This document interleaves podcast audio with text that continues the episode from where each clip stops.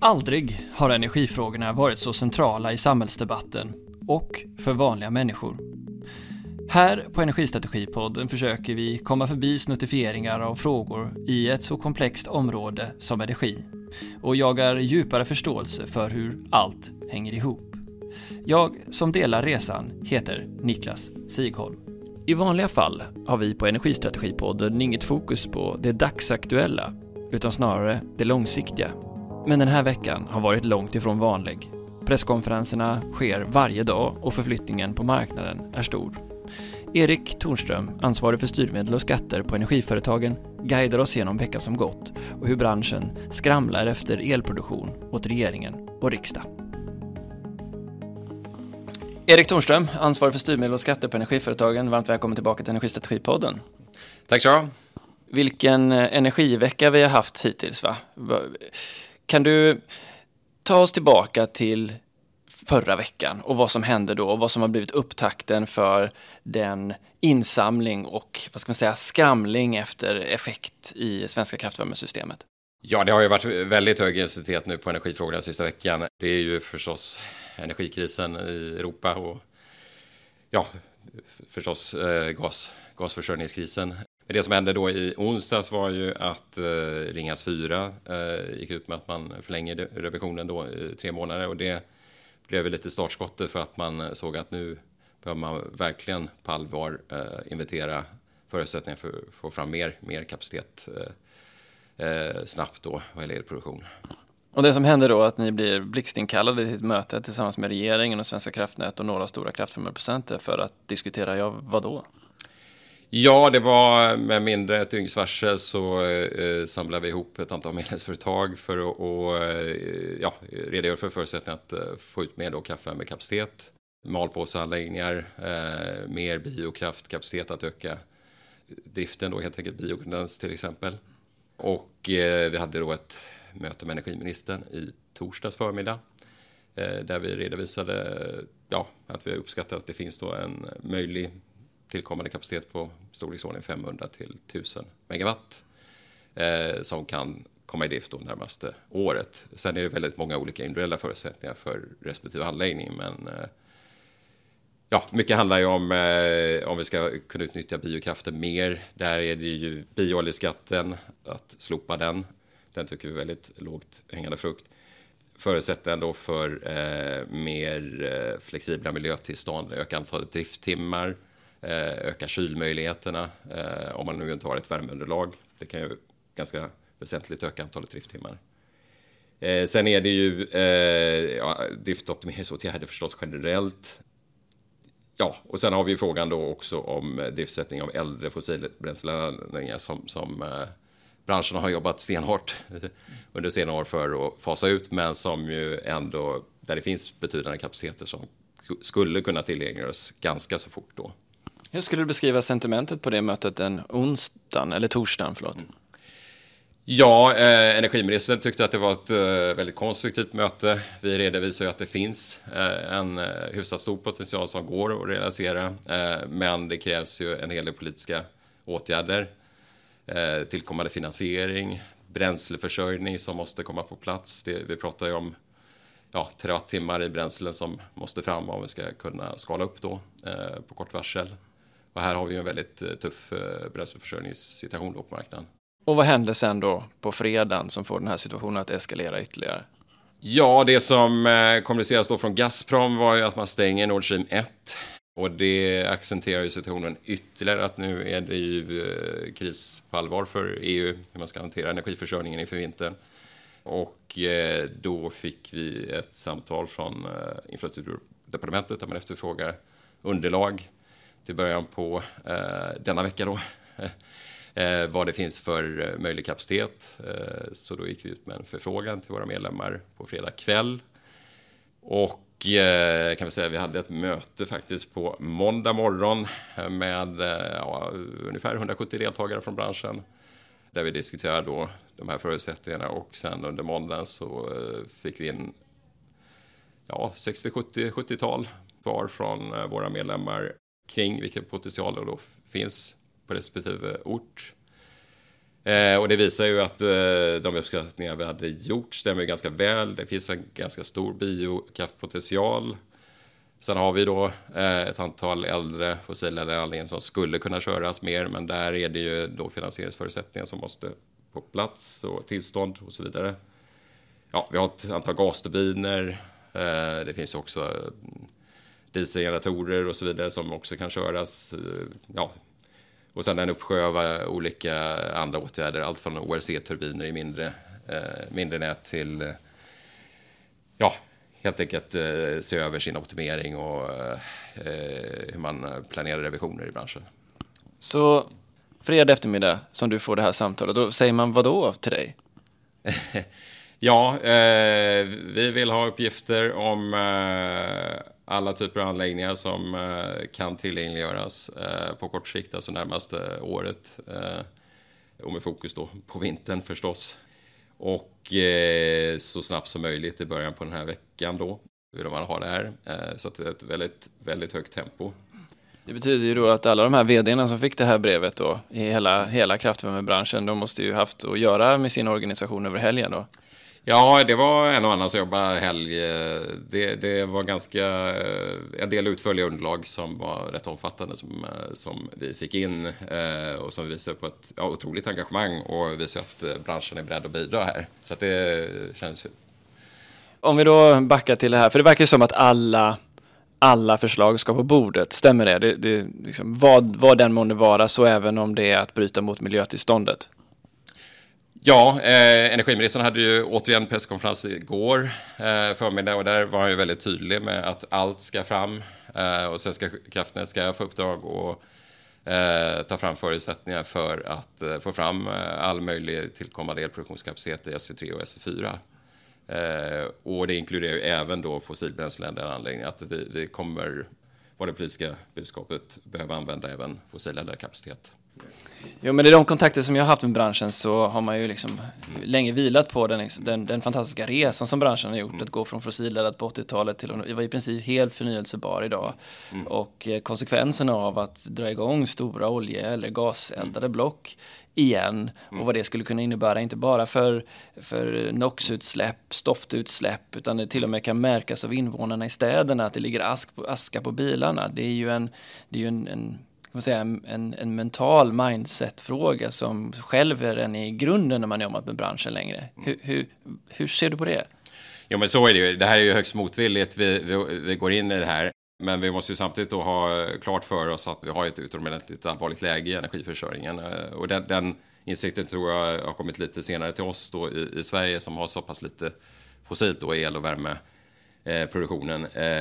Men nu är det ju allvar på riktigt ska jag säga och vi står ju inför en situation som även Svenska kraftnät har kommunicerat att det är förbrukningsfrånkoppling som kan bli aktuell här kommande vinter. Ja, de sa ju till och med att den risken var reell. Hur tolkar ja. du det?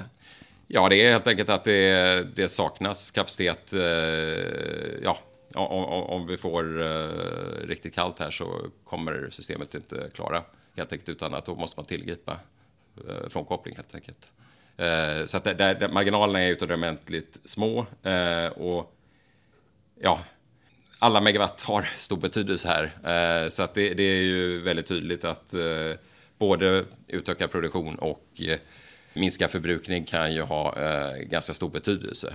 Ser du att det är fara för liv om elen försvinner? Jag tänker på alla som har eluppvärmda hus till exempel, som ligger utanför fjärrvärmebranschen. Alltså om det blir lång, långvariga försörjningsstörningar så är det klart att eh, då, då kan ju sådana eh, situationer uppstå. Och det är i den kontexten man ska se ja. det här?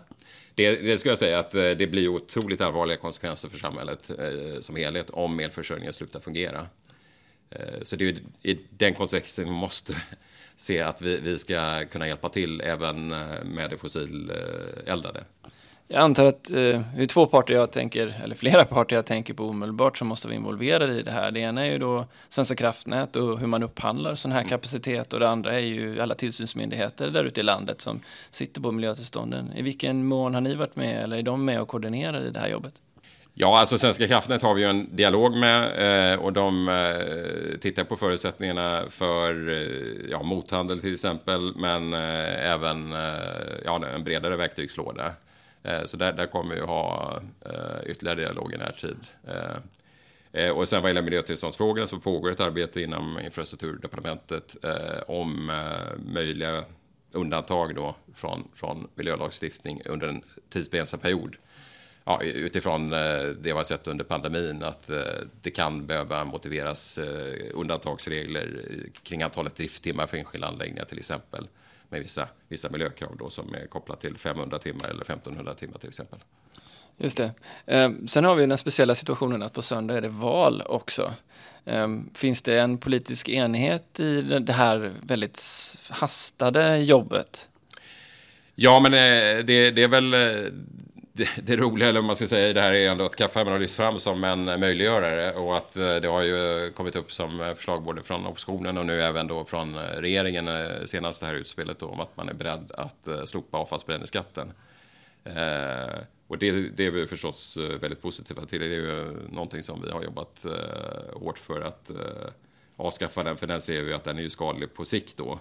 Sen har den kanske ingen eh, större betydelse kring det akuta läget då att få ut mer produktion på marknaden just nu. Då. Nej, det var nog många som förvånades av oss i branschen när vi hörde finansministern gå ut och säga att, att avfallsförbränningsskatten försvinner och förhoppningen var att det skulle leda till mer elproduktion och för alla oss som jobbat med kraftvärme länge vet ju att den ligger ju längst ner i körordningen allt som oftast. Ja. Um, vad, vad, tror du, var det något missförstånd där eller vad, vad, vad var det som hände? Ja, det är väl eh, ett väldigt politiserat läge som eh, vi har så att säga. Så att det, det är väl kanske i den kontexten man ska se det. Eh, vi tycker väl att det är en välkommen åtgärd. Den har ju varit väldigt kritiserad från egentligen alla håll. Det är ju ingen som har kunnat visa att den bidrar till det den var tänkt att bidra till. Ehm, vad gäller ökad materialåtervinning och minskad fossilt plastinnehåll i avfall och så vidare. Så där ser vi ju att det är positivt att man har lyft den, att långsiktigt är det bra för investeringsförutsättningar. Men biooljeskatten hade ju varit en mer eh, lämplig akutåtgärd och det är ju någonting som vi tycker definitivt man måste ta tag i. Ja, just det, för det är ju någonting som har varit på tapeten i flera år att branschföreträdare har lyft att de har bioolja på spetsen men det blir dyrare att elda den än att köra sin kraftvärme. Ja, men precis. Det, det leder ju till det här fenomenet med backning av elproduktion, eh, som vi säger i branschen. Eh, att man minskar elproduktion och kör direktvärmedrift. Och det är ju inget vi vill göra den här vintern om vi har en försörjningskris i elsystemet. Eh, så då måste de politiska förutsättningarna skapas för eh, att faktiskt prioritera elproduktionen. Och det är då, om jag förstår saken två typer av biooljor. Det är UCAM och det är RME som, som framförallt används i branschen. Ja, det är ju RME i första hand då. UCAM skulle kunna vara ett alternativ också då. Mm. Men som idag straffskattas bort i praktiken. Avfallsförbränningsskatten, eh, när är det den eh, planlagd att då försvinna? Ja, det man har annonserat är under nästa år. Det är vissa ledtider och sån här beslutsprocess och sen behöver man ju reda ut det här med finansiering och så vidare. Men, men eh, till nästa år, eh, en förhoppning är väl åtminstone första april kanske nästa år, något sånt. Vad betyder det här reda pengar för branschen? Ja, det är drygt 400 miljoner per år i en skattepålaga. Och eh, då ska man också ha i minnet att eh, vi kan förvänta oss en ganska kraftig eh, indexeringshöjning.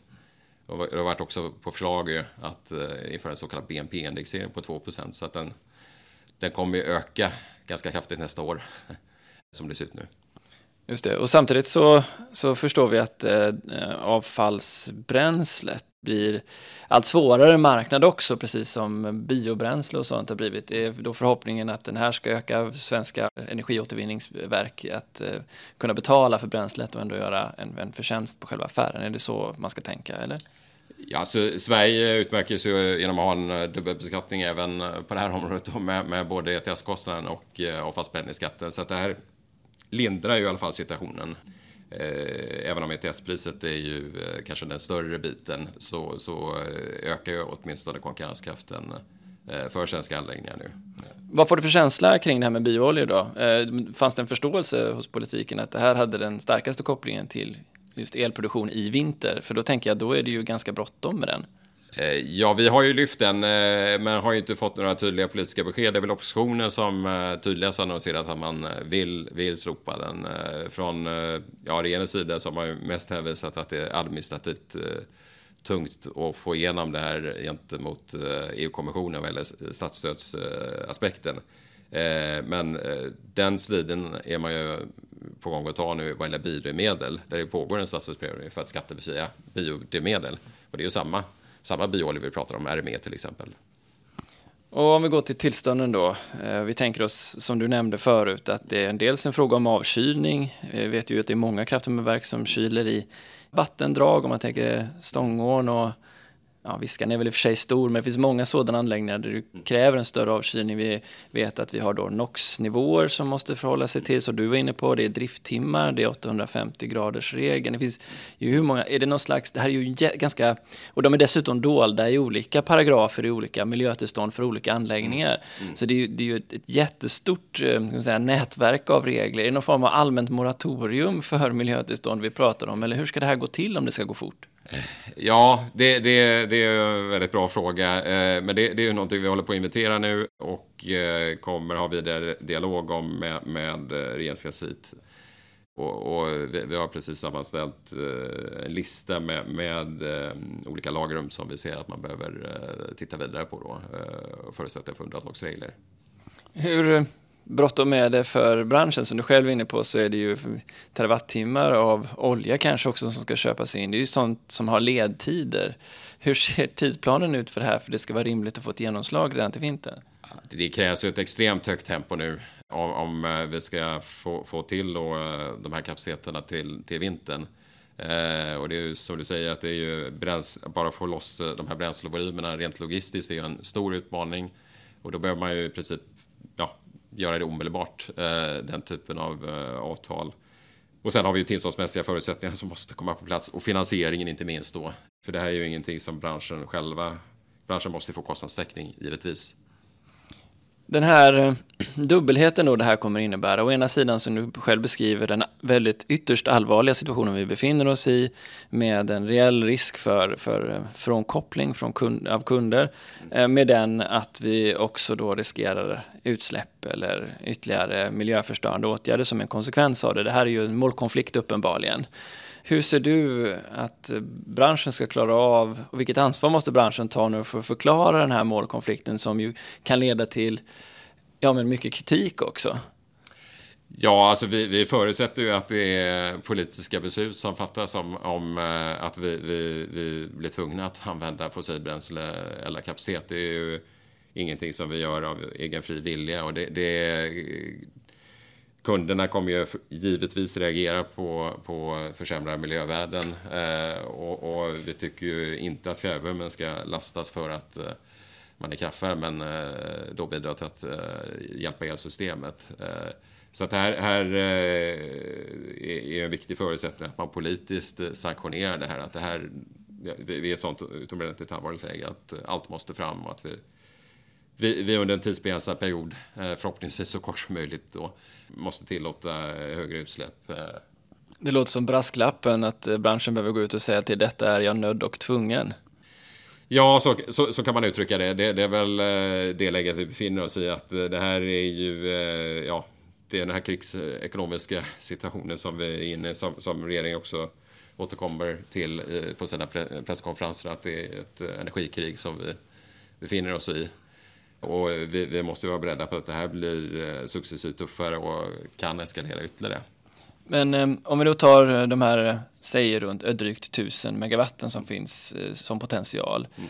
De skulle ju behövas allra mest i SE3 och SE4. Mm. Är, det, är det där vi ser att den här potentialen finns också? Ja, det allra mesta är i SE3 och SE4. Så att det, det kan ju verksamt bidra till, till att lätta på läget en sista aspekt också som vi inte pratat så mycket om är ju den kopplingen mellan eh, kraftvärmen och överliggande elnät. Där det också finns eh, inmatningstariffer som lägger hinder på hur mycket elproduktion som kraftvärmen producerar. Det betyder ju också att det här måste koordineras med elnätsföretagen på något sätt. Sköter ni den koordineringen och i så fall hur går det till?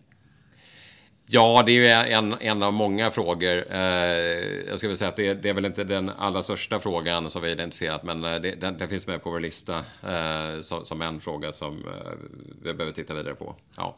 Mm. Okej, okay, det är ett, alltså ett, ett, eh, ett, väldigt många olika intressenter som behöver vara med i den här krisledningen. Hur ser det jobbet ut framåt som du förstår det, med tanke på hur många det är som behöver koordinera sig för att få det här att fungera i praktiken?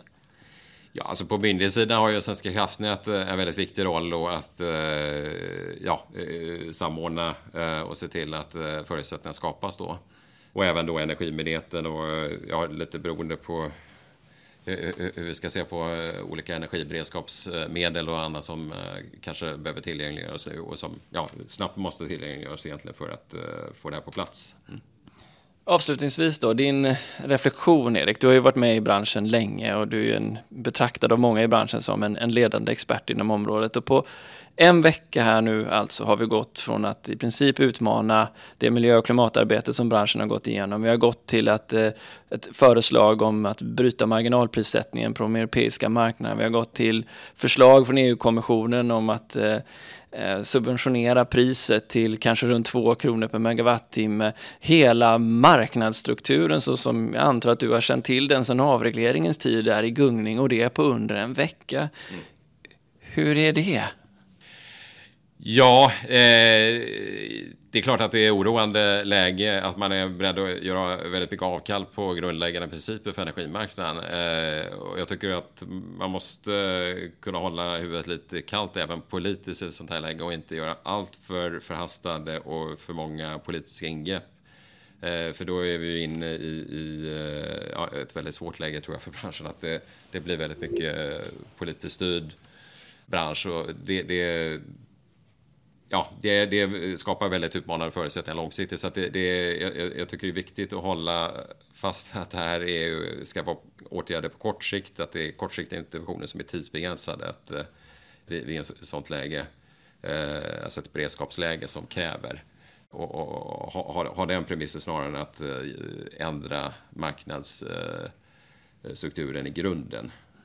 Ja, för att eh, är det någonting jag har hört genom alla mina intervjuer så är det en sak och det är stabila, förutsägbara eh, förhållanden på marknad för att garantera att man vet vad investeringarna både kostar och vad de ger för typer av intäkt. Och nu är vi i ett läge där, ja, vad ska man tänka överhuvudtaget? De vågar göra investeringar i den här branschen, man varken vet vad det kostar eller vad man kommer få betalt. Nej, det är otroligt utmanande och nu, nu ser vi presskonferenser varje dag eh, från regeringens sida eh, och, och eh, ja, som läget ser ut nu så kan det ju eh, fortsätta som det ser ut här framåt. Och det, det skapar ju väldig osäkerhet och att vi, vi behöver verkligen vara på tårna. Jag kan säga att vi, vi jobbar ju väldigt aktivt från energiföretagen nu för att eh, försöka hantera läget. Men här, här behöver ju vi alla hjälpas åt i branschen. Du Erik, tack så mycket för att du tog dig tid idag. Mm. Tack så mycket.